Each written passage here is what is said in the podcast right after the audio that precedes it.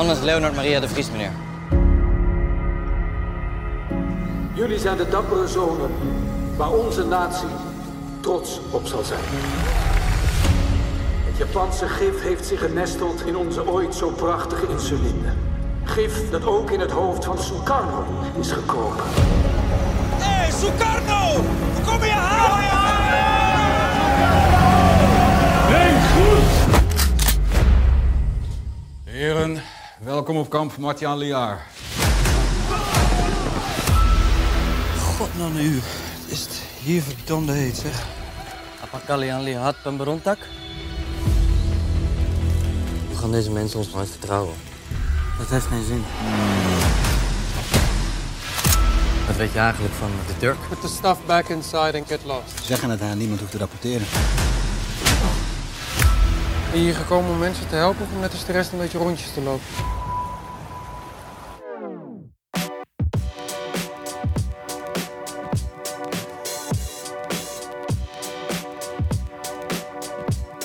Hey, Vincent. Hey Jens. Hey. Daar zijn we weer. Ja. Na een uh, drukke, drukke weken rondom de eindexamen specials. Helemaal Ja. ondergedompeld in, uh, in alle eindexamen onderwerpen. Uh, voornamelijk voor de HAVO uh, dit keer. Ja. Leuke reacties gehad van mensen. Die uh, ook zeiden dat ze echt iets aan hebben gehad. Dus dat dat fijn. ja, dat was wel de insteek in ieder geval. Van Ja. ons. Ja, ik wil ook wel een beetje verwarring zaaien hoor. Daar zijn wij eh, historici eh, de beste in eigenlijk. Ja, what if history. Het gaat eigenlijk om dingen duidelijk maken, maar vaak bondt het uit in eh, nog meer onduidelijkheid. Ja, ja, ja. Nee, maar vandaag gaan we weer een normale, reguliere aflevering op- opnemen. We zijn eh, weer niet eh, met z'n tweetjes. We hebben namelijk een eh, leek slash expert, Ja. Thijs. Hallo? Hey Thijs. Hey, Thijs. Ik, goed, je, goed, je, goed dat je er bent. Ik ken jou al, eh, al een tijdje. Ja, we, klopt. deden, we deden namelijk dezelfde master. En in de intro hoorde je al, als het goed is, een stukje eh, van de film De Oost. Die nu Mhm. op Amazon staat eh, sinds een week.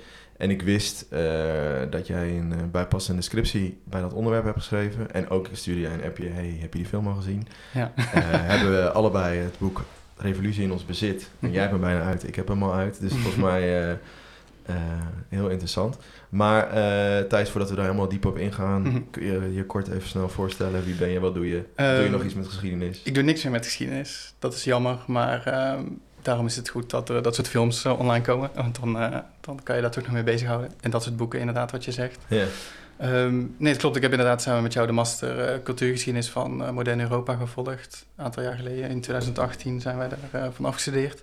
Ehm, en ik ben inderdaad afgestudeerd met mijn scriptie over de dekolonisatie van Nederlands-Indië. Ehm, in dat onderzoek heb ik gebruik gemaakt eigenlijk van verschillende dagboeken van, van Nederlandse militairen die toen in, in Indonesië waren, eigenlijk als onderdeel van het Nederlandse leger. ehm, tussen 1945 en 1950, voor de duidelijkheid. Mhm. Ehm, en ja, ik ga ook graag naar de film. Dus, dus De Oost, de film die we nu eh, die bespreken, daar heb ik erg naar uitgekeken. Ehm, het heeft even geduurd, maar Ja. ehm, nu is het dus te zien. Niet in de filmhuizen, maar wel dus inderdaad op Amazon Prime. Ja. Ehm, dus ja. Ja, ik kijk er wel een beetje tegenop dat ik hem op tv moest kijken in plaats van in de ja, bioscoop. het is jammer. Maar hij komt sowieso nog wel eh, in de bioscoop. Dus kan je dat is altijd nog kijken. echt een mooie film geweest voor in de bios. Ja, gewoon met die kleur. Ja, dat is gewoon echt wel, ja. Ja, ja. En, eh, maar je doet nu verder niks meer met eh, geschiedenis, want je werkt als beleidsadviseur, Ja. toch? Beleidsonderzoeker Oh, en adviseur. onderzoekers, Ja, ja, klopt, ja. ja. Dus ehm, ik doe niks meer met geschiedenis, maar wel met de, ja, de vaardigheden die ik met geschiedenis heb geleerd. Heel goed. Onderzoek je, doen. Je, je hebt goed opgelet bij de, bij de career seminars Ja. als master. Ja, ja. Nou ja, je kan met geschiedenis alle kanten op. eh, dus eh, het is zeker aan te raden als studie. Ja, klopt. En eh, je, je zei al, je dat ook schreef, heb, je, heb je over dit onderwerp geschreven. Mhm. En ehm, ik wilde hem graag nog even opzoeken. Ik dacht even doorlezen, maar dat kan natuurlijk helemaal niet. Want hij ligt nog onder embargo. klopt, klopt, hij is inderdaad niet inzichtelijk. en dat komt dus de, de privacygevoelige informatie. Ehm, nou, het komt eigenlijk omdat... eh, het klopt, mijn, mijn, mijn scriptie staat officieel onder embargo voor, bij het eh, ministerie van Defensie. Dat klinkt heel heftig, maar die dagboeken die ik heb gebruikt... Die, dat, zijn, eh, dat, dat zijn bronnen voor, voor mijn scriptieonderzoek. Mhm. Maar momenteel loopt er ook een, een, een grootschalig onderzoeksprogramma... na die decolonisatieoorlog. Ja. Ehm, dat is gefinancierd vanuit de overheid... en daar werken eigenlijk verschillende onderzoeksinstituten samen... en aan mee... Eh, waaronder het NIMA. En daar heb ik stage gelopen. En ehm, ik mocht die dagboeken gebruiken voor mijn scriptie als bron. Maar omdat zij zelf ook bezig zijn met, eh, eh, met zo'n onderzoeksprogramma en die bronnen gebruiken, ehm, kunnen die resultaten uit mijn scriptie eigenlijk niet openbaar worden, om- omdat dat programma van hun nog loopt en omdat zij dezelfde bronnen gebruiken. Oké. Ja. Ja. En wanneer eh, komt dat? eh, Als het goed is, volgend jaar, 2022. Ja. En weet je nog of dat op schema loopt? Of heb je geen Nou, idee? het, was, eh, het loopt niet op schema, want het zou dit jaar eigenlijk al afgerond zijn. Ehm, dus dat, dat loopt uit. Maar volgens mij lopen dat soort dingen altijd uit. Ja, hoort Dus, er een beetje bij, toch? Ja, Ja, ja. ja. De- dan komt er uiteindelijk een boek en dan komen er altijd allerlei eh, onderzoeksartikelen ook, eh, komen daar ook uit voort uit dat programma. Ja. Oké, interessant. Ja. Leuk. Eh, nou, straks kunnen we echt helemaal verder induiken op, eh, op het hele onderwerp en eh, op de film De Oost. En zullen we even kort schetsen van hoe het eigenlijk tot stand is gekomen, die, die onafhankelijkheidsoorlog en waar die Mhm. film dus op gebaseerd is. En ook waarom jongens zoals het hoofdper- hoofdpersonage Jan de Vries afreizen naar, naar Indonesië. Maar voordat we daar allemaal op ingaan, toch nog even snel, hoe was jullie historische weken, of twee weken of week? En Vincent, ik heb jij nog weinig gehoord vandaag, dus eh, ik geef jou het woord. Ja, nee, eh, laat ik ook eens wat vertellen. Nee, eh, nee ik las toevallig vanochtend eh, eh, dat het 3,8 miljoen euro gaat naar het eh, digitaliseren van de VOC-bronnen. Had je op de NOS gezeten? ik, had, eh, ik had weer even de NOS eh, doorgespit. Nee, dit stond op, eh, laat ik even een goede bronvermelding doen, historiek. Het is altijd even leuk, eh, een beetje catchy eh, geschiedenisnieuws. Ehm, en eh, wat dan belangrijk aan is, is dat eh, deze bronnen dus veel eh, toegankelijker gaan worden voor, voor een veel breder publiek. Hè? Dus als, als je thuis gewoon geïnteresseerd bent om een keer wat over de VOC te, te weten, dan kun je dat dus gewoon online opzoeken. Mhm. In plaats van dat je naar bijvoorbeeld Amsterdam moet om mappen door te gaan graven en te gaan zoeken ja, wat je wil vinden. Ja. En dat er dus, wat jij net ook al zei, dat ze dat handschrift automatisch gaan, gaan herkennen eigenlijk. Ja, dat zei ik in het voorgesprek, ja. Ja, ja dat klopt, ja. Dat, eh, dat het best wel gepriegelde hand, handschriften zijn. Een enorm tijdsintensief werk om dat allemaal te gaan eh, lezen. En dan zo'n computer kan dat blijkbaar heel snel, eh, heel snel lezen. Hebben jullie eigenlijk wel eens onderzoek gedaan of eh, zulke archieven bekeken van de VOC? Van de VOC niet, nee. Nee, ik ook niet. Maar zo'n handschrift, eh, dat had ik met die dagboeken natuurlijk ook. Moet je ook soms echt dat handschrift ontcijferen. Ja, Ehm, dus ik kan me voorstellen als je dat digitaal makkelijker kan, dat dat wel wat kan Ja. opleveren. ik heb de 19e eeuwse dagboeken gedaan. Hm. Dat is eh, haast nog, nou ja, het is weer iets moeilijker qua handschrift vaak.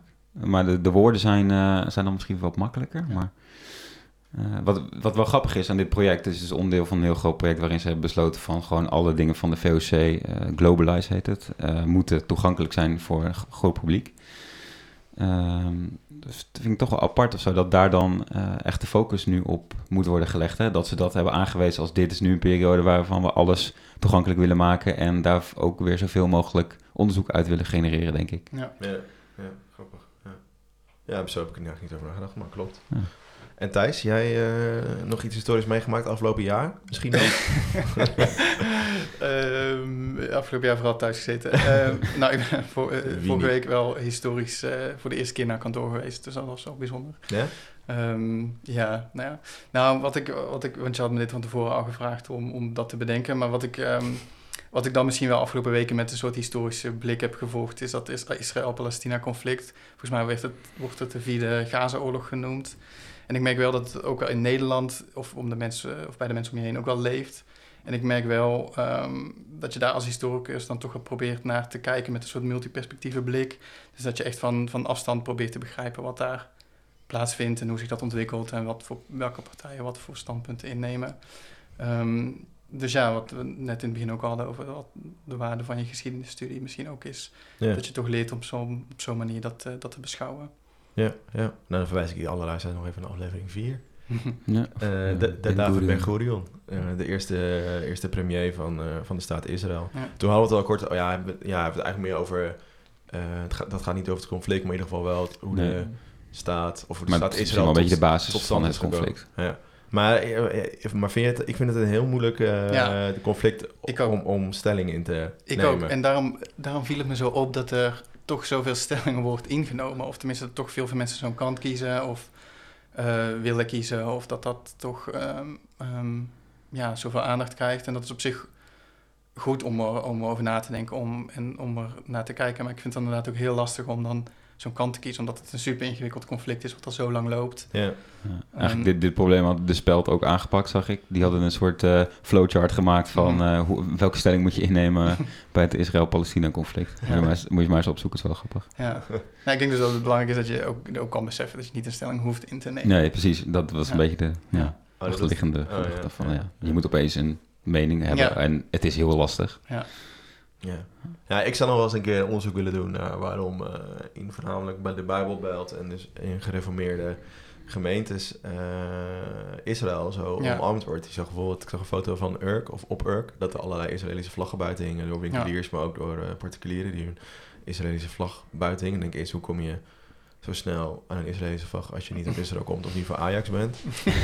en, en ten tweede, ja, waarom, ja, hoe, hoe is dat eh, ontstaan?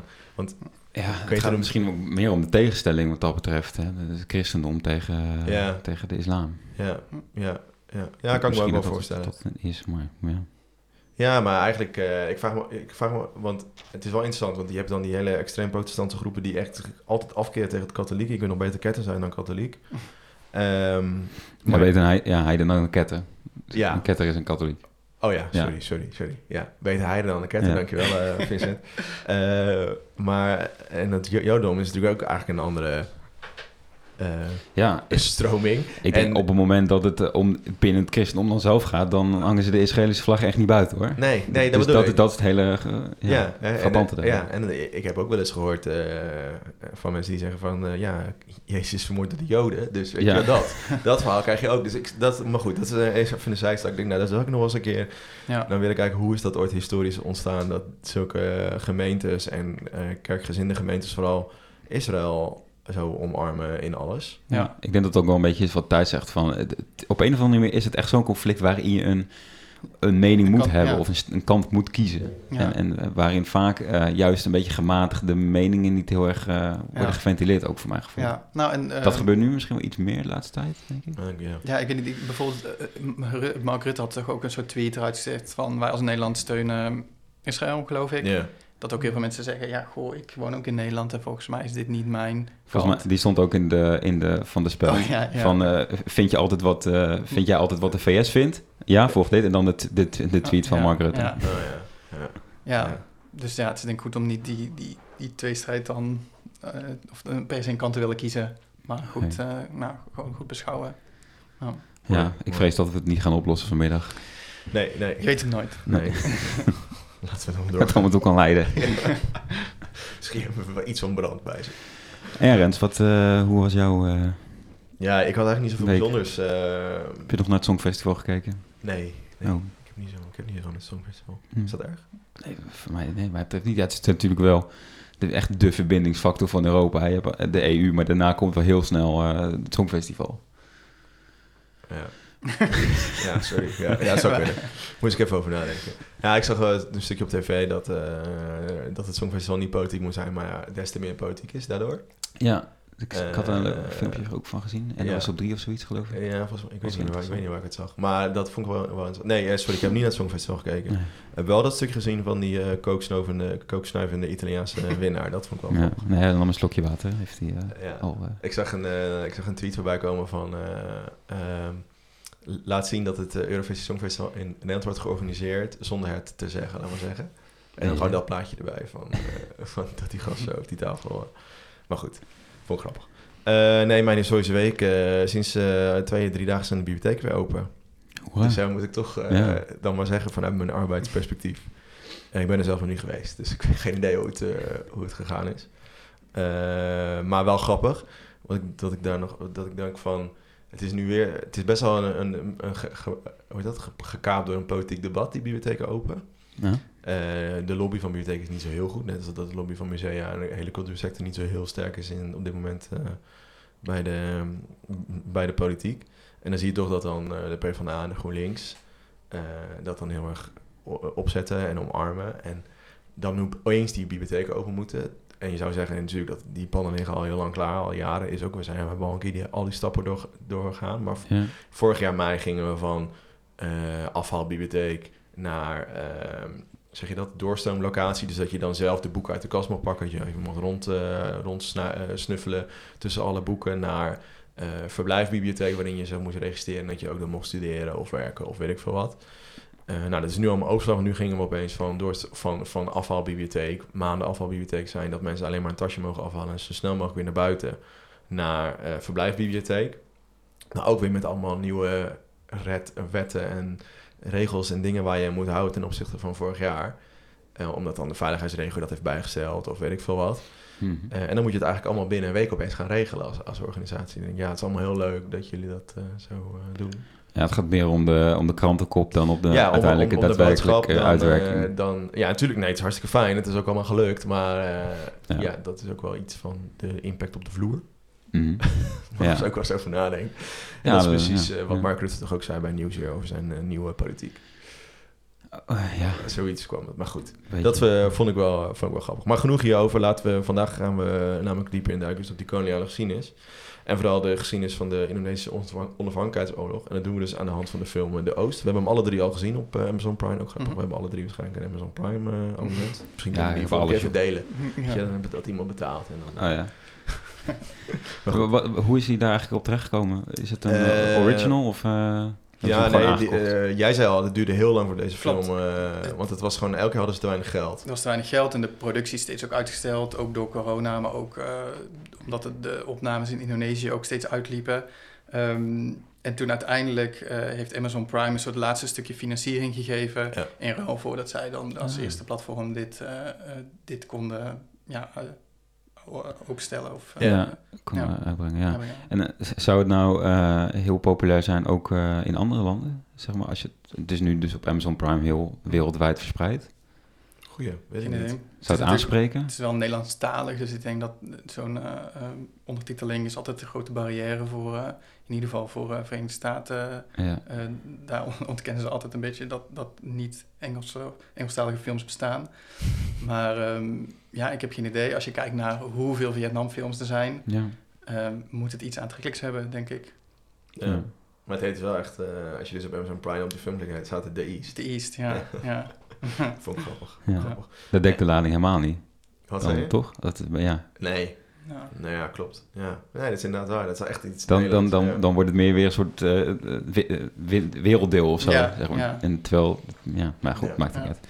Maar, eh, wat, want jullie hebben die film gezien. Wat vonden jullie er, ervan? Eh, hoe, heb je het, hoe heb je het ervaren? Ik vond het een, ehm, een goede film. Het is natuurlijk heel goed dat dit deel van de Nederlandse geschiedenis nu gewoon aandacht krijgt, ook voor een groot publiek. Ehm, en eigenlijk is de film fictie, eh, maar wel echt gebaseerd op de geschiedenis zoals die heeft plaatsgevonden. Ja. Eh, en ik denk dat de film ook wel veel goed weergeeft, vooral eh, ja, ook voor, voordat de Nederlandse jongens was destijds daar in Indonesië. Ehm, en ook hoe het dan weer is om, om terug te zijn in Nederland daarna. En ja, het is bijvoorbeeld ook wel een gewelddadige film, maar ook dat ligt wel dicht bij de werkelijkheid. Ehm, het Nederlandse leger heeft daar wel veel geweld gepleegd, extreem geweld tijdens die uh, Ja. kolonisatie-oorlog. Ja. Ja, dat, dat, dat komt wel echt bij mij naar boven als, als eh, eh, hoofd, hoofd, eh, ja, hoe noem dat? hoofdzaak van, van deze film. Mhm. Echt die gewelddadigheid. Ja. Als, je, als je het bijvoorbeeld zou vergelijken met andere Vietnamfilms, Mhm. dan, dan is dat toch op een of andere manier minder gruwelijk. Of, of Ja. die, die indruk wordt er wel gewekt, maar in deze film, in de Oosten, is het heel beeldend. Gewoon Ja. eh, eh, dat heftige eh, geweld. Ja, ja. Dat, dat vond ik wel echt opvallend. Ja. ja, ik las ergens dat ehm, die film geeft echt nu letterlijk een beeld aan die oorlog. Ja. En niemand weet eigenlijk, hè, niemand Ja. kent de oorlog eigenlijk goed. En nou, het wordt er altijd A, nog heet het heel vaak politionele acties genoemd, wat helemaal de lading natuurlijk weggehaald. Wat natuurlijk bewust voor gekozen is en ook bewust nog steeds Mhm. gevoerd wordt. Maar daarna wordt er heel weinig over gesproken, over veteranen die er gevochten hebben, maar überhaupt in de, in de geschiedenis.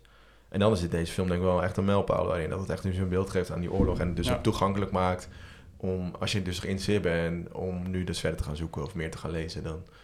Eh, het, en het blijft natuurlijk een film want met allemaal hele romantische verhaallijnen en typische eh, dingetjes. Maar. Ja. ja, ik denk dat het wel eh, dus echt een beeld geeft aan de oorlog en dat is denk ik wel een goede stap.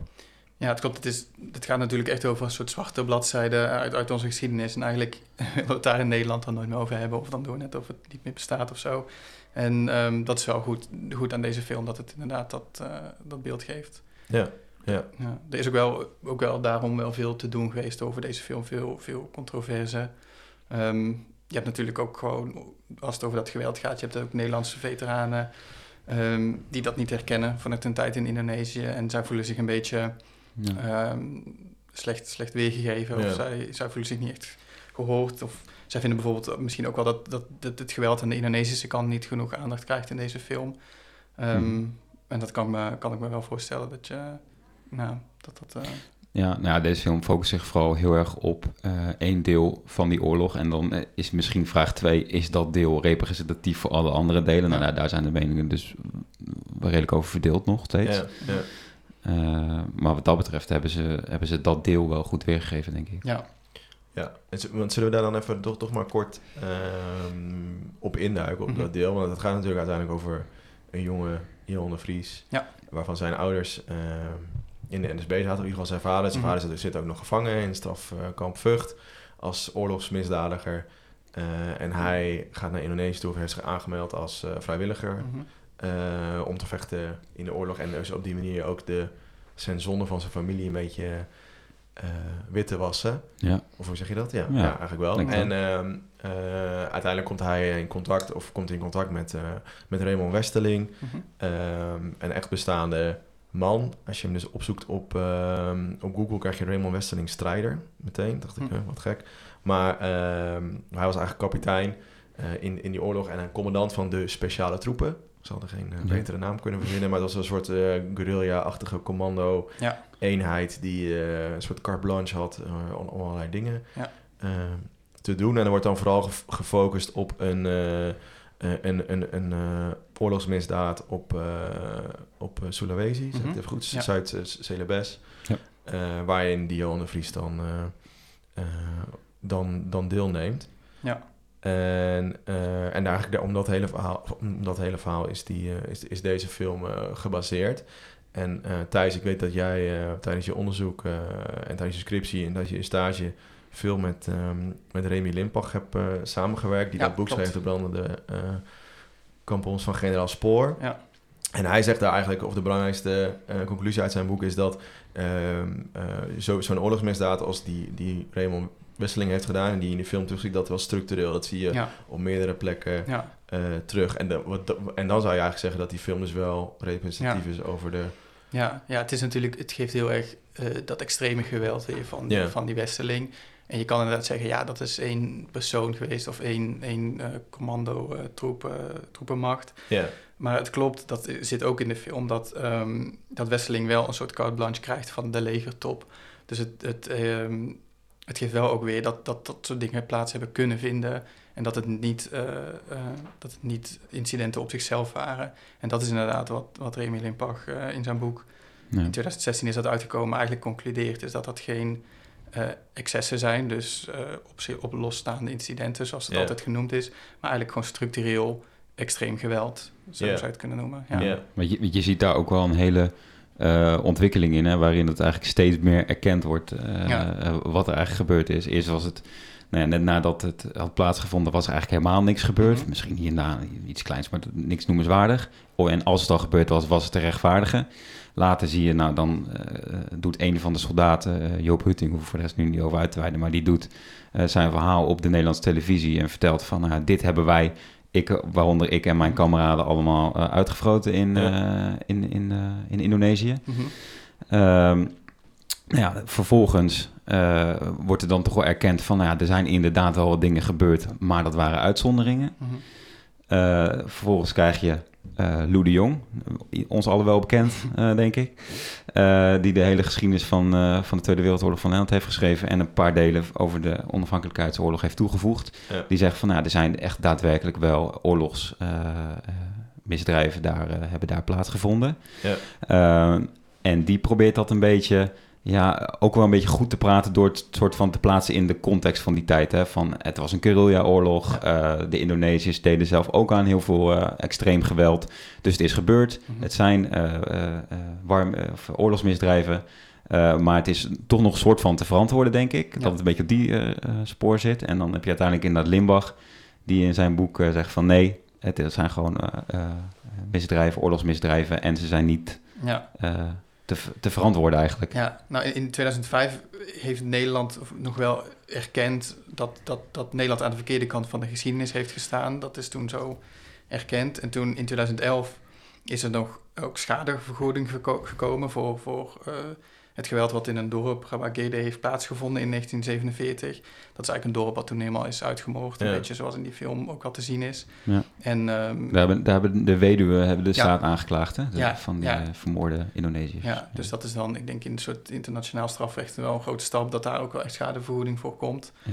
En nu is dus eh, in 2017, 2018 is dat grote onderzoeksproject gestart, ook wel eh naar aanleiding van dat boek van Ipak. Maar wat ook misschien ook wel goed is te zeggen, is dat denk ik de meerderheid van al die Nederlandse militairen dat soort geweld niet sowieso hebben gepleegd en ook niet hebben gezien. Dat, eh, eh, ik denk dat vandaar dat, dat, dat ook heel veel veteranen dat niet herkennen en dat het daardoor soms ook zo gevoelig ligt.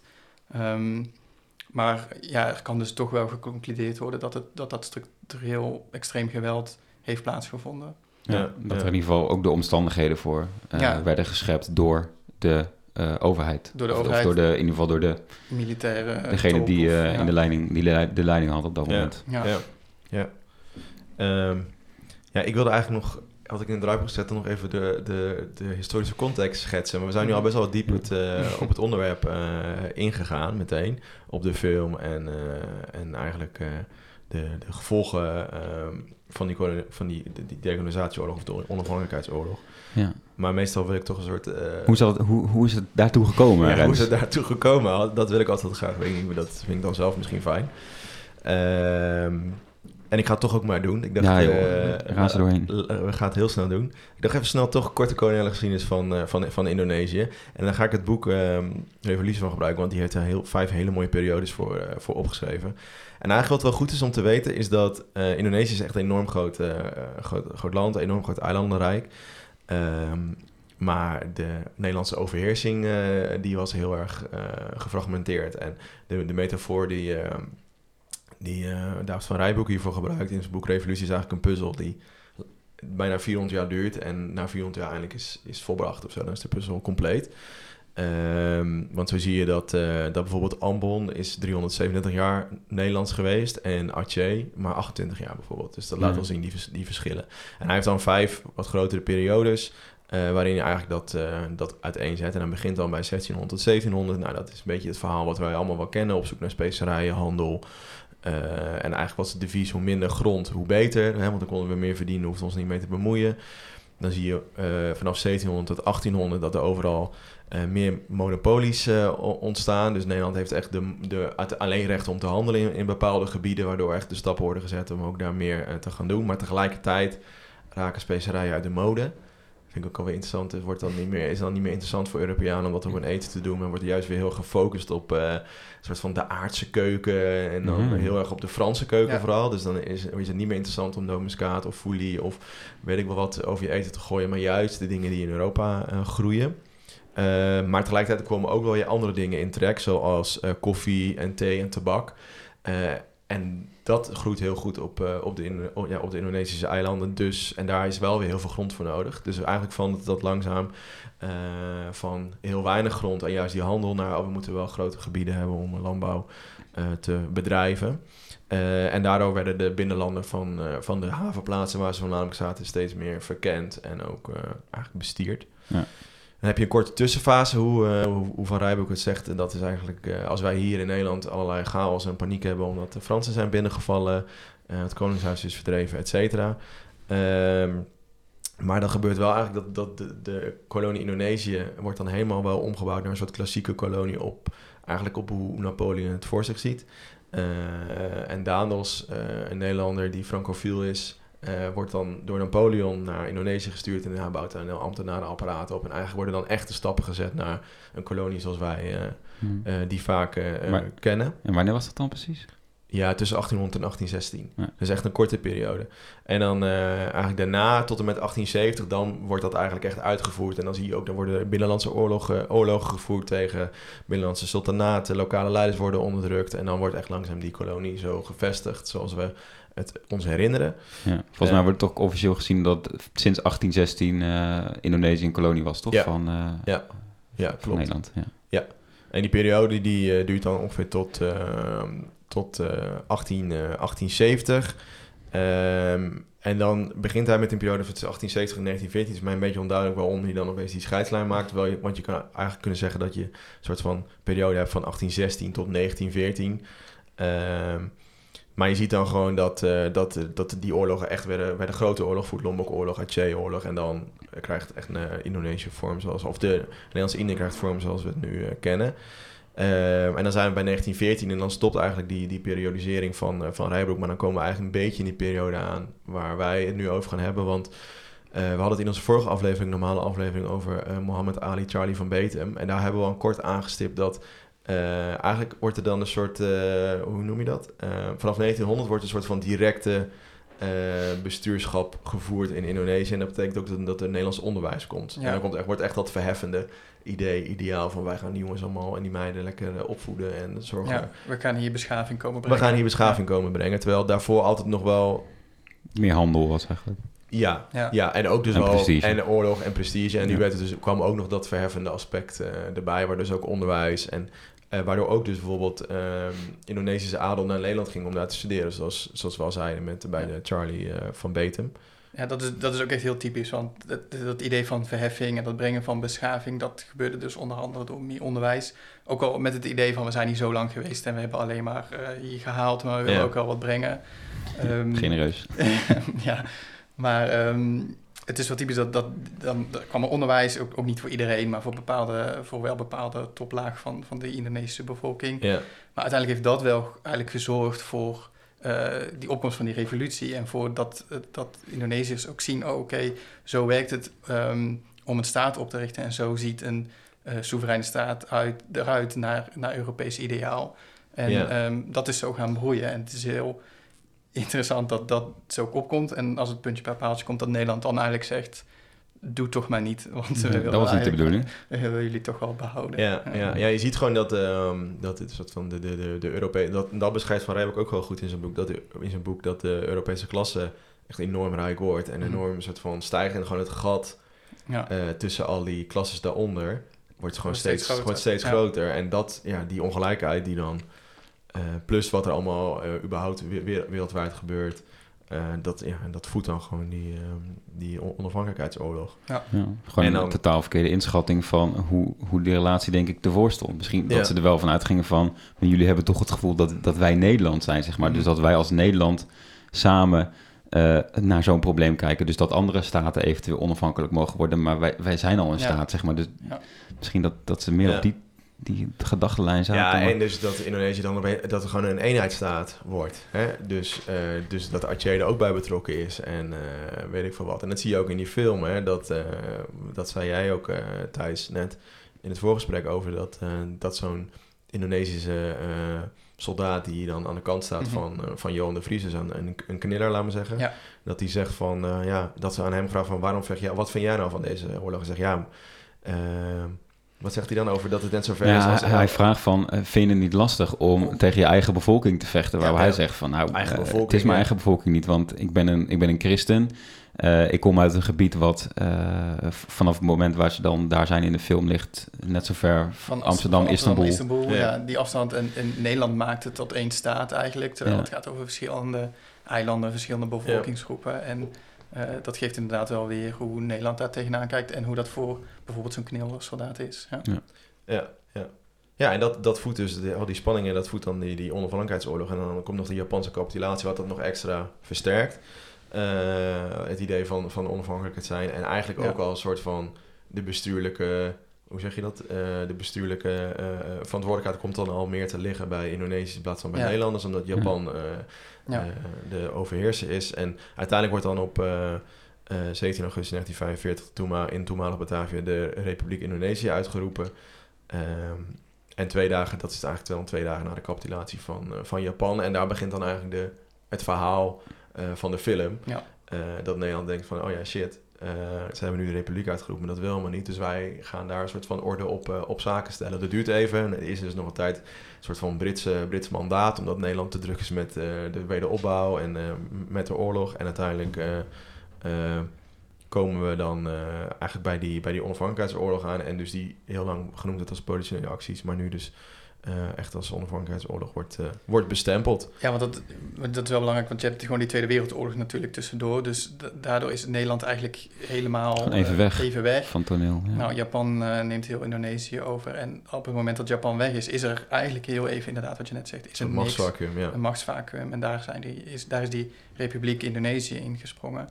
En ehm, sindsdien, zijn, of ja, sindsdien zijn zij eigenlijk onafhankelijk, zou je kunnen zeggen. Ja. Ja. Ja. Ja. Want Engeland heeft, eh, of het Verenigd Koninkrijk heeft nog, eh, is er op stijlsprong eh, naartoe gegaan om Ja. even de honneurs van Nederland waar te nemen in dat machtsvacuum. Die heeft Nederland ge- even geholpen. Ja. maar die belanden inderdaad ook in een conflict. Die, eh, Die zijn er gewoon uitgestapt. die zijn zo snel, die hebben op zich wel, ze zijn wel eh, als een soort tussenpartij geweest tot een, tot een, om tot een akkoord te komen. Maar daarna waren ze ook al gelijk weg. Ja.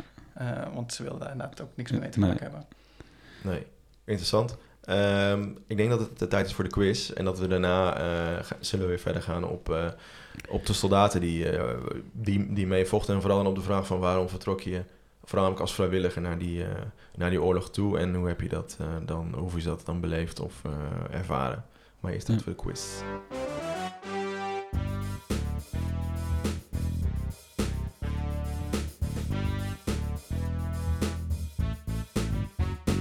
Zo, de quiz. ehm, ja, vorige, vorige keer had het weer allebei fout, Vincent. Gaat niet echt goed, hè? Nee, het is, eh, het is vreselijk.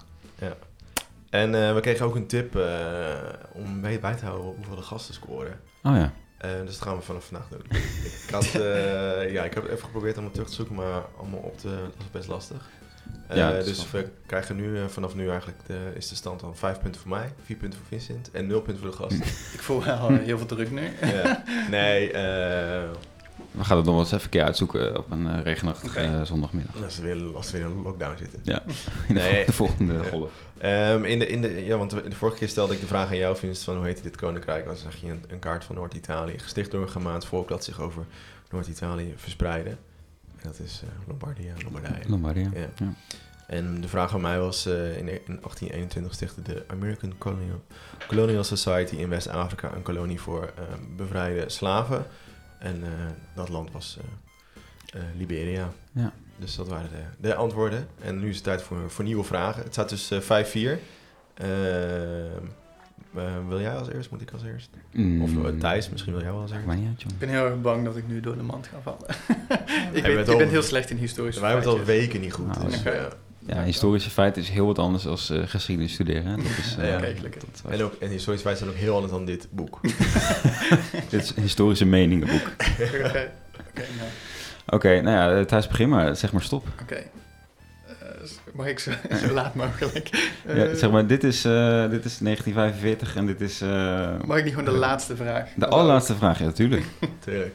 Hoe heet de schrijvers van dit boek? Even kijken hoor. Oh, het is meer een keuzevraag. Nou, dat zou toch haast moeten lukken. Eh, de honderdste vraag van de periode 1925 tot 1945.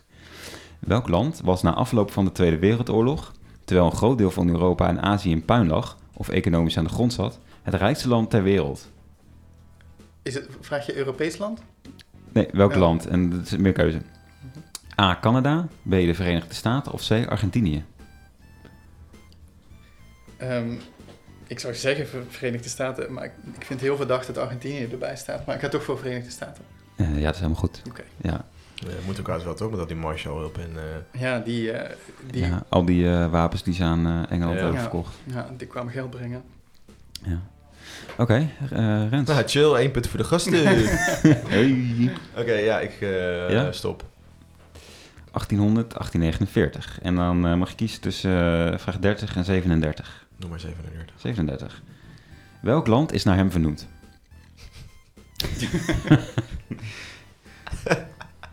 ja, dat is dus heel lastig, dus dat kan eigenlijk niet. Want dat is weer een antwoord op de vorige vraag. Dus we doen even tot en met 35. Doe we 35. 35. Ja, sorry.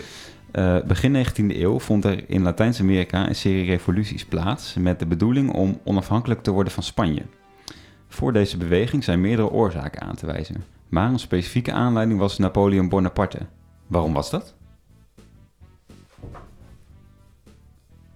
Hè? In Zuid-Amerika. In Zuid-Amerika. Garibaldi, denk ik, is het antwoord. Eh, nee, Garibaldi is niet dat. Gaat er een eh, lampje bij jou? eh? Nee, ja. Ja, het is echt een, indi het is echt een indirecte oorzaak eigenlijk. Waarop, waarom de Latijns-Amerikaanse landen opeens dachten van... nu, moeten wij, nu komen wij in opstand tegen onze overheerser Spanje, want we zien een kans. Dat is eigenlijk wat het is. Nou, misschien omdat... eh, volgens mij heeft Napoleon ook wel verschillende... hij had natuurlijk, was het gestoeld op de verlichting. Liberté, égalité, eh, bla bla bla. Dat hij dat ook doorgevoerd heeft, in ieder geval de klasses te verkleinen. of gelijk, of zeg je dat, Gel- gelijkere samenleving. En misschien wel heeft hij ook koloniën afgestoten, waardoor hij, waardoor mensen in Latijns-Amerika dachten van, oh, misschien kunnen we ook onze overheerser afstoten. Mm, nee, ja, nee. ik eh, nee. geschiedenis eigenlijk samen doe. Ja, alsof je een mondeling aan het doen bent. Ja. Alle opties in één. Eh, nee, nee, nee, ja, kan, ik- nee, kan ik echt niet goed rekenen. Heb jij een idee? Ik heb geen idee, echt geen idee. Oké, jammer. Nou, dan heb ik een fout. Nou, Vincent, dan kan jij een gelijkmakertje maken. Ja. Spannend. Ja, heel spannend. Oh, sorry, ik even haak achter de draad. Eh, zeg Hoe maar zit het eigenlijk met die wisselbeker? Eh, ja, het- ik, ik heb een balletje gemaakt. Komt goed. Oké, chill. Zeg maar stop. Stop. Nu stoppen. Ik, zie, ik zie een kaart. Eh, ja, deze vraag hebben we allemaal een keer eerder gehad. Oh, nee, dan eh, is het niet handig. Nog een keer. Zeg maar stop. Stop. We zijn in de periode 1850 tot 1899. En dan mag je een vraag Leuk. kiezen tussen ehm, de 73 en 78. Eh 76. Oké, dus je ziet een, eh, een plaatje van de, eh hoe heet het ook weer? Ja, van het vrijheidsbeeld. Vrijheidsbeeld, sorry. Ja. Ik wilde zeggen World Trade Center, maar kom ik daar nou weer bij. Waar is het gemaakt? Is dat A in New York, B in Canada of C in Frankrijk? Eh, dat is in Frankrijk gemaakt. Nou, dat is volgens mij goed, ja. Zullen we Door, even voor je checken voor de eh, zekerheid? Gustave Eiffel. De maker van de Eiffeltoren, hetzelfde constructie. C Frankrijk. Ja. Ja, gefeliciteerd. 5-5. Lekker man. Yes! Spannend. Spanning Nou, is weer terug. Spanning Ja. is weer terug Ja. in, de, in de race. Nou, laten we snel eh, weer, door goed voor de eh, competitie. onderwerp. Ik wil het hier niet meer over hebben, over deze ronde. Dat is gewoon een makkelijke vraag over mij. Ja, ja je als francofiel en als kunstkenner. Nou, ga zo maar door. Oké, Ehm, ja, dus eh, Ja. we gaan het weer hebben over, over de Oost. En dan zien we dus eh, Johan de Vries die, die, die naar eh, Indonesië ging... omdat hij eigenlijk eh, de, het NSB-verleden van zijn familie wilde. Kwijt eh, schelden... of witwassen of vergeten. Of eh, ja, zo van ik ga iets doen, goeds doen voor, voor het land, voor Nederland. Ehm Thijs, jij hebt... ehm, eh, voor je scriptie verschillende dagboeken gelezen... waar je Mhm. misschien niet allemaal dit ook zag van de Nee. reden waarom heel veel mensen gingen. Nee. Ehm, maar ben je dat, heb je dat behandeld of ben je dat tegengekomen? Wat, wat, voor, wat, voor, wat voor Nederlandse jongens een reden was om af te reizen?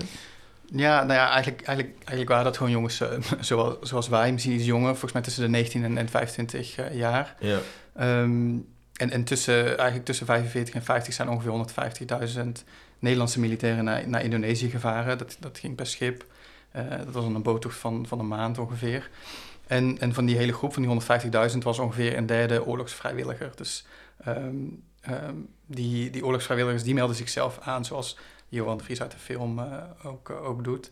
Ehm, dat gebeurde voornamelijk eigenlijk in het begin, nadat Nederland zelf bevrijd was van de Duitse bezetter. En toen bezette inderdaad Japan nog Indonesië. En eigenlijk zagen dit soort oorlogsvrijwilligers eh, de Jap toen als de mof van de Oost, zeg maar. Oh, ja. Dat was... eh, ehm, ehm, ja, de, het idee is er wel dat het, die vrijwilligers die hadden wel het idee... wij zijn vrij, maar, maar de bevolking of onze bevolking in, in Indië nog niet. Dus ik meld me aan om daar te helpen. Ehm, de Nederlandse regering propageerde dat ook, ook wel zo. Er hingen van, dan van die advies, affiches met van, van die oproepen... ehm, bevrijd, eh, bevrijd Indië of eh, we gaan de Jappen eruit schoppen. Ehm, want in het begin was die missie, die Nederlandse missie, nog soort van duidelijk. We gaan de Japanners wegwerken en, en rust en orde brengen. Ja. En je ziet misschien ook wel die, die beelden voor je van, van die Nederlandse steden die dan bevrijd zijn door Amerikanen of Canadezen of, eh, of Engelsen. Uh-huh. Die dan van de tanks de stad binnenrijden en als, als helden worden onthaald. En ik denk dat wel veel van die vrijwilligers dachten, nou mooi, ik wil, ehm, ik wil ook wel nu iets bijdragen, iets goeds doen na die Tweede Wereldoorlog. En ehm, ja, ik wil ook wel een held zijn. Ehm, dat, eh, dat dachten ze dus vaak, maar dat viel veel vies tegen als je in, in Indonesië aankwam. Dat zie je trouwens ook in de film, eh, dat er eh, Dutch Go Home stond er dan overal op, op de huizen geschilderd. Maar goed, dat, dat, dat eigenlijk was dus maar een derde oorlogsvrijwilliger. En, en twee derde was dus dienstplichtig. Dat was als je tussen negen- eh, 1925 en 1929 was geboren, kreeg je eigenlijk gewoon een oproep dat je dus het leger in moest. Echt Eh, ieder- ja, dus eh, dan zouden wij gewoon... eh, ja, dat, je, je, je moest gewoon gaan. Dat is, eh, dat is de regel. En ehm, de, me- de meeste jongens die werden ook wel die werden opgeroepen, lieten zich ook wel gewoon inschepen. Er waren ook wel jongens die niet wilden gaan, maar die toch werden opgeroepen. Maar dan, ja, dan, dan ben je dus- dus een dienstweigeraar. En ehm, je kon onderduiken, dan, maar dat, ja, dat is dus eigenlijk gewoon strafbaar. ja. Je kon, dat gebeurde ook al hoor, dat je, dat je jezelf kon laten afkeuren of dat je dat probeerde. Ehm, als je doof was of net deed alsof je doof was of heel ziek. Of ehm, S5, dat is heel erg een, een Nederlands ding, dat je jezelf S5 Ja. laat verklaren. Dat is een soort verzamelterm voor, on- voor eh, ongeschikt. Dan Die wil je gewoon niet mee hebben. ja, dan, dan ben je niet goed snik of psychopaat of, of zoiets. Nee. En dat, dat zou je kunnen proberen. Of, of misschien had je een oom of zo die eh, in het ziekenhuis werkte... die dan eh, jou wel, wel S5 kon verklaren. Dat gebeurde ook wel. Maar goed, eigenlijk, je moest gewoon gaan en de meesten gingen dus ook wel gewoon.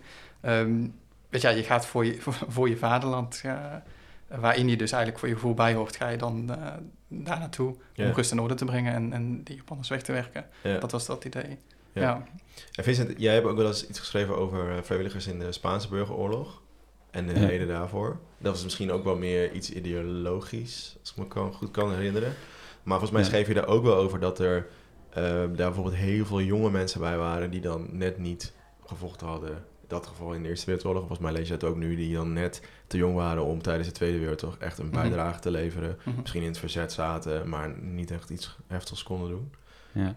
Eh, maar dat, dat, is, dat, dat zijn dus ook mensen die. eh, Ja, het idee was ook wel, we gaan, ze hebben ons daar echt nodig in, in Ja. Indië. Dus we, ehm, we, we willen ook helpen en we willen daar iets goeds doen. Ja.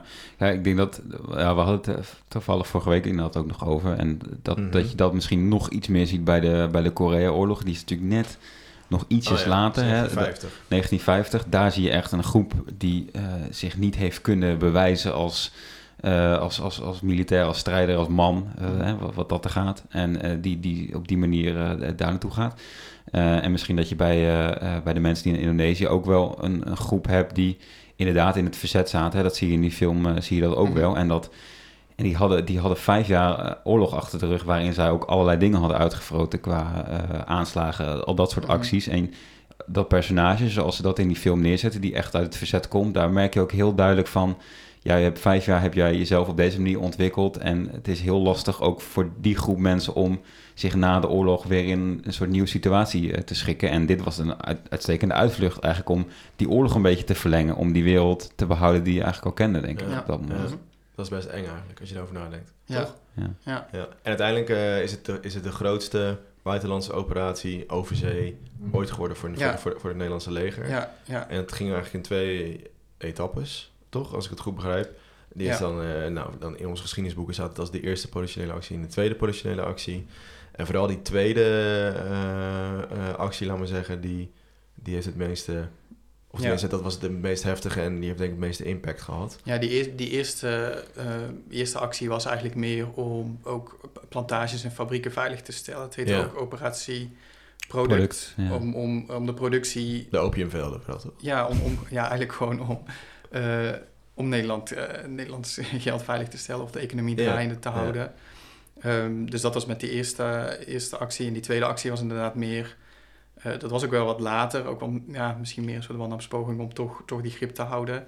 En daar zijn inderdaad... eh, in de nasleep daarvan is heel veel van dat extreme geweld...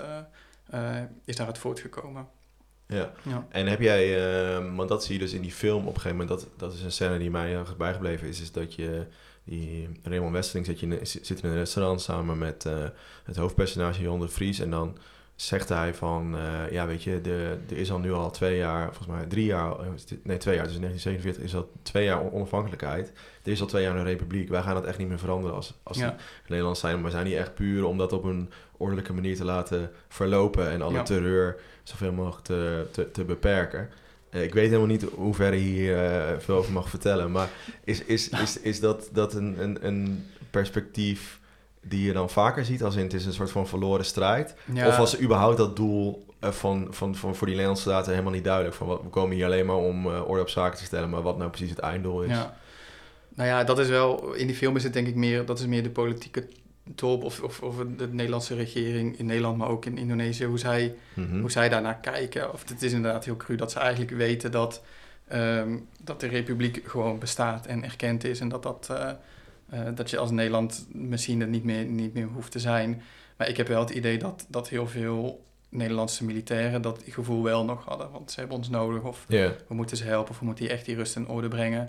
Want er was, ook, er was natuurlijk ook wel chaos, of tenminste met zo'n guerrilla-oorlog. En ehm, er, was, er waren veel, veel Pemuda's, heet het dan, jongeren Mhm. die voor die republiek vechten. Ehm, als jij denkt dat, dat eh, de meeste Indonesiërs daar geen Zo zin in hebben, dan, ja. dan, dan zie je dat als, als, eh, als onrust. Maar eigenlijk, ehm, ja, eigenlijk was het feit dat Nederland daar was, zorgde voor die onrust. Ja, ja. Ja. Ja. Ja, maar je, je ziet ook wel dat, kijk, die, die Nederlandse militairen die moesten ook redelijk snel opgeleid worden tot militair. En ze hadden vaak ook echt geen enkel idee hoe het er in Indonesië uitziet. Nee. Wat voor mensen daar wonen of wat ze eten of hoe het landschap eruit ziet. Dat lees je wel veel in dat soort, dat soort dagboeken of brieven bijvoorbeeld ook naar huis. En ehm, ja, dus op, op zo'n manier vertrekken zij dan naartoe. En met een missie die eigenlijk dan niet heel erg goed doordacht was of heel erg duidelijk was. Dus ehm, En dat Ja. zie je ook heel erg in die film terugkomen. Hè? Dat, dat ze eh, die, eh, eh, dat gevoel heel erg willen oproepen. Ook van eh, allemaal druistige jongens die er naartoe Mhm. gaan... en uiteindelijk helemaal niet weten waarom ze daar zijn... en van verveling maar allemaal... eh, eh, Ja. mensen op markt die in elkaar Ja. gaan slaan. Eh, dat ze heel erg dat idee van het gaat over aapjes en pinda's Mhm. en Ja. eh, eh, echt als, als inferieur volk eigenlijk eh, Ja. wordt neergezet. Ja. Of althans dat zij, dat, zo, dat, dat zij er zo tegenaan kijken. mhm. Nou ja, ik vraag me ook af of dat nou helemaal representatief was voor al die mensen die daarheen gingen. Dat, nee. Maar, Ja, niet van, ja, dit- dat is inderdaad wat, wat je in die film ziet. Het is veel geweld, veel opstootjes in die steden en op die markten. En, en ook, verkrachtingen bijvoorbeeld. Dat gebeurt ook veel. Maar dat, er gebeurde ook inderdaad echt heel veel gewoon niks. Heel veel militairen verveelden zich gewoon. En er zaten eindeloos patrouilles te lopen waar, ja, waar je elke keer hetzelfde... Dan ging je naar een kampong, naar zo'n dorp en om, om, om inlichtingen te halen. En dan vertelden ze elke keer hetzelfde. Ja, dat voelt ook heel erg nutteloos. En dat, Ja. dat, dat was het denk ik eigenlijk ook. Ehm, en ja, wat ik net ook zei, heel veel Nederlandse militairen hebben dus ook nooit deelgenomen aan dat extreme geweld. Of hebben dat ook niet gezien. Ehm, ja, ja, en ze Ja. vochten gewoon tegen een vijand die ze bij wijze van spreken bijna nooit zijn tegengekomen. Ja. Dat, dat, ja. Ja, dat vind ik dat, Dat doet dat, ook zit wel ook, een beetje. dat, dat zit ook in die film. Dat je Mhm. dat eh, op een gegeven moment eh, eh, die wat bekendere Nederlandse acteur, ik ben even zijn naam kwijt. van Jim Dennis. Nee, Of- nee, die zit er maar heel even in. eh, oh, ik dacht je daar... Ja, maar die. maar we die moeten ook niet veel spoilen. Nee, moet niet veel spoilen. Eh, dat hij ook zegt van, eh, ja, ik heb- die loopt dan wachten en dan gaat hij op zijn eerste avond daar naartoe en dan krijgt hij een sigaretje en dan vraagt Ja. hij van, eh, ben je nooit bang? Of eh, Eh, Robert de Hoog. Robert Hoog, ja, Ja. dankjewel. Ehm dan zegt hij, nee joh, ja, ik ben bang, ik- we zien ze nooit. En als, als ze ze zien, dan schieten ze, uit- dan schieten ze zeggen, uit de bosjes, zegt hij dan. Eh, en, dan, en, dan, en dan zijn ze zo weer weg, maar we hebben eigenlijk geen idee wie die vijand is. Nee. Dus er was inderdaad zoveel onduidelijk over, voor de jongens. En Ja. het plan was ook onduidelijk. En dat zie je ook wel. En dat zei je ook, Thijs, in het, eh, in het voorgesprek... is dat eigenlijk eh, ook de, de, de legertop had ook niet duidelijk Nee, op voor zich... wat ze nou precies wilden bereiken. En dat was eigenlijk ook waarom dan zo'n Raymond Westerling... met zijn speciale troepen... eh, eigenlijk een soort carte blanche had Ja. om, om gewoon dingen uit te voeren. ja, het is heel gek, want het was echt een hele jonge gast. Volgens mij was hij 27 of, of begin 30, rond die leeftijd. Ja, Het is heel gek dat zo iemand dan gewoon zo'n carte blanche krijgt en dit ook gewoon mag doen. Ehm, dat is wel echt, denk ik, heel tekenend voor hoe die situatie daar was. Dat, dat alles wel kon of ja, dat eigenlijk niet zo heel veel doordacht werd. En dat is zeker na die tweede, of met die tweede politionele actie, want die was eigenlijk wel een soort van militair succes. Ze kregen, Nederland kreeg best wel wat overhand, maar toen wisten zij niet zo goed wat ze ermee moesten en Nee. hoe ze het uitbreiden. Want het, het bleef gewoon feit dat eigenlijk al- heel die Indonesiërs niet zaten te wachten op niet-Nederlanders overal. nee, nee. En, en hoe, is het, waarom, hoe zijn ze er uiteindelijk nu mee, eh, mee gestopt? Met die, eh, hoe is het eigenlijk tot zijn einde gekomen? Het is heel snel ineens tot zijn einde gekomen. Nederland heeft heel lang willen vasthouden aan eh, daar, vandaar die acties en vandaar heel die militaire inzet. En op een gegeven moment heeft de Verenigde Staten ehm, met de Verenigde Naties, die toen eh, eigenlijk net was, eh, net, zijn, eh, net, net opgestart was, die hebben toen uiteindelijk de kant van de Republiek Indonesië gekozen. Ook omdat de Republiek Indonesië, die had intern ook wel wat strijd over wie representeert nou wie en wie schuiven we naar voren. En er was een soort ehm, communistische opstand of een communistische groep die ook, wat, ook eigenlijk naar de macht greep. En die zijn heel hard onderdrukt door die uh, Indonesiërs. En toen heeft de Verenigde Staten, die toen heel anticommunistisch was, in één keer die omslag gemaakt naar oké, wij steunen Indonesië, wij steunen deze republiek, want zij kunnen die, die, dat communisme wel onderdrukken. En toen is het gewoon heel snel gegaan, want met inderdaad dreigementen dat de Marshallhulp werd stopgezet, dus dat Nederland geen geld meer kreeg. Of geen, geen NAVO-steun meer met zo'n opkomende koude oorlog, wat redelijk eng is als je, als je niet onder zo'n bondgenootschap hoort. Ehm, ja, toen was er gewoon geen houden meer aan voor Nederland. Ja, dus, ja. en toen werd uiteindelijk mm. in uh, december 1949, 27 december 1949, officieel de onafhankelijkheid uh, ondertekend. En dat is ook nog steeds de datum die vooral Nederland aanhangt. Mm -hmm. En voor Indonesië is dat al uh, vanaf 1945. Ja, ja. en zo kwam er dus een einde aan, ja. aan de kolonie. Ja, wat dan ook nog wel, wat ook nog wel goed is om te zeggen, en wat dus ook in die film zit, is dat, dat die Nederlandse militairen dus na zo'n 2, 2,5 jaar daar, die ja. kwamen terug naar Nederland, die heel die missie was mislukt. Wat van die misstanden waren ook al wel aan het licht, aan het licht gekomen in, in Nederland. En um, ja, dat, dat, dat, links of dat communistisch Nederland zag die jongeren dan ook wel een soort van als criminelen soms. En um, eigenlijk de rest van Nederland praatte er gewoon niet meer over. En dat was echt heel gek. Of ik kan me voorstellen dat dat heel gek is als je terugkomt. Um, dat je terug bent en er ineens maar gewoon maar meer, gewoon meer werk moet gaan vinden. Ja. Uh, en dat niemand eigenlijk weet wat je daar hebt gedaan of wat er zich heeft plaatsgevonden en waarom dat zich heeft plaatsgevonden. Um, nou, dat vond ik ook wel tekenend aan, eh, aan die scène dat die, uh, Johan de Vries, het hoofd, hoofdpersonage, zijn baan weer ja. ging, uh, ging terugvragen. Wat eigenlijk een soort van gegarandeerd was van je mag vrijwillig aanmelden. Mm -hmm. Dan zet je baan even op pauze en als je terugkomt mag je daar weer verder mee. Ja, ben je verplicht, is jouw werkgever ja. verplicht om je baan terug te geven. Ja. Waarin die werkgever ook zegt van ja, hallo, je wil je baan terug. Wij zijn hier niet ja. twee jaar op vakantie geweest. Wij hebben hier gewoon keihard doorgewerkt om Nederland weer op te bouwen. Hè? Dus, dus je ziet, er was ook totaal geen begrip. Voor, dat woord, voor dat woord vakantie. En dat je dat, dat zie je ook bijvoorbeeld in die serie van uh, Koen Verbraak. Die was volgens mij vorig jaar op tv. Mm -hmm. Ik weet even de naam niet meer, sorry. Onze uh, jongens op Java. Ja, onze jongens op Java, ja. ja. Daar zie je ook dat, dat dat wel veel terugkomt. Van nou, ben je lekker bruin geworden? En ja. uh, weet je, als, dat je dat hoort als je terugkomt. Ja. En, en dat is eigenlijk wat jij ook zei, Vincent, ook al eerder, is de... Eigenlijk dat, nee, dat ook de, onze samenleving had helemaal geen ervaring met terugkerende soldaten en hoe daarmee om te gaan. Want tijdens de Eerste Wereldoorlog hebben we, waren we neutraal. In de Tweede Wereldoorlog waren we best wel snel uh, verslagen en waren we heel bezig met de, met de wederopbouw. opbouw. Maar hebben we nooit gehad dat grote troepen Nederlandse soldaten opeens terugkwamen in de samenleving en dan weer hun plekje moesten. Nee, nee ja. dat je echt inderdaad, nou ja, hoeveel uh, mensen zijn het uiteindelijk geweest? Uh, wat was het nou, 200.000 of zo? Ja, 150.000. Er waren ook een heel stel en dat kneelmilitairen, dus militairen die al ja. in Indonesië waren. Dus die zijn niet echt gescheept, maar... Uh...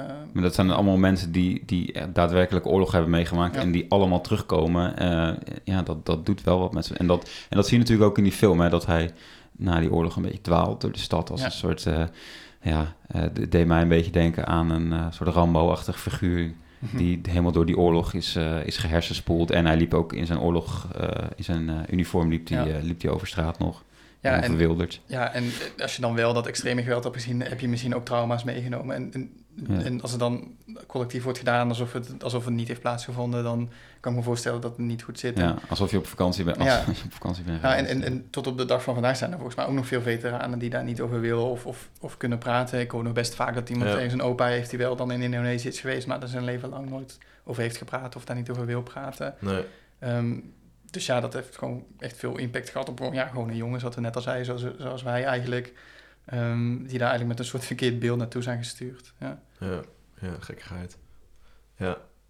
ja, en aan de andere kant um, is dat de andere perspectief wordt ook helemaal niet duidelijk. Of tenminste, dat komt helemaal niet aan bod in die film. Het Indonesische Ja, dus ja. Hoe, hoe, zij, hoe zij dat ervaren hebben en hoe zij uh, dat opeens uh, 200.000 soldaten mm -hmm. uh, door je dorp heen wandelen iedere dag om te vragen naar, ja. naar informatie. En die, die jouw taal niet spreken, die mm -hmm. geen idee hebben, die heet het zwetend daar aankomen en weet ik veel wat. Ja. En dan is ook nog extreem geweld plegen ja. op je familie of je dorp of je... Ja, de, de film is heel erg een Nederlands verhaal. Dat klopt, waar, waar die Indonesische stemmen weinig weinig in voorkomen. We hadden het net over die ene kneelsoldaat die dan wel zegt... Um, mijn, mijn, uh, mijn huis is net zo ver af als van hier als Amsterdam van uh, um, Istanbul. Istanbul. Istanbul ja.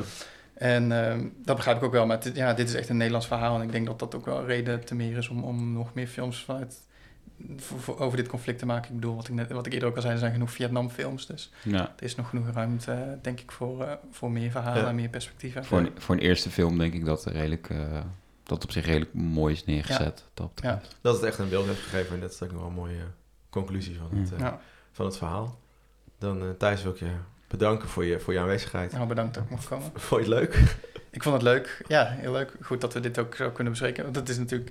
eh, de aandacht vanuit zo'n film is goed. Maar ook eh, als mensen dit horen... kunnen ze zich zelf ook meer misschien in verdiepen... of meer de context begrijpen. Dus dat is ook wel goed. Ja. Ja.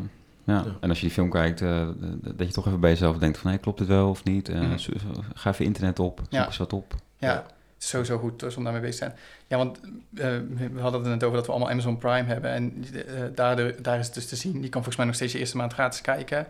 En eh, als je dan de Oost hebt gezien, staan er ook nog twee andere films. 1917 over de Eerste Wereldoorlog en Jojo Rabbit over de Tweede Wereldoorlog. Die Ja. zou ik zeker in die maand ook nog kijken. Want dat geeft ook eh, mooie Ja. perspectieven. Ja. Zeker. En dan kun je het in... Jojo Rabbit is wel echt... Ja, is misschien wel lekker om dan na de Oost te Mhm. kijken. Als een heel, soort- heel bijzondere film, ja. Maar, eh, Maar heel ja. triestig in al zijn eh, Ja. heel triestig. eh, ja, hilariteit, zeg maar. Nou, jullie weer bedankt voor het luisteren. En eh, laat even een recensie achter in eh, vooral de iTunes app. Dan worden wij weer beter gevonden door andere Ja. luisteraars. En vertellen door. En wil je een keer ook eh, aan, aanschuiven als leek slash expert? Eh, De puntentelling van ons moet nog omhoog. We hebben er Ja, pas één. daarom. eh, stuur ons gewoon een berichtje op Instagram, DM of eh mailtje naar info story. Komt altijd goed. Komt dat goed, dan bereiken we ons wel. Of een appje als je, als je ons gewoon persoonlijk kent. Mag ook. Liever niet. een beetje zakelijk en privé gescheiden houden. Eh nou, bedankt. Jij ook weer, Vincent. En tot de volgende keer. Ja, eh, eens gelijks. En eh, we spreken elkaar. Later. Dag. Doei.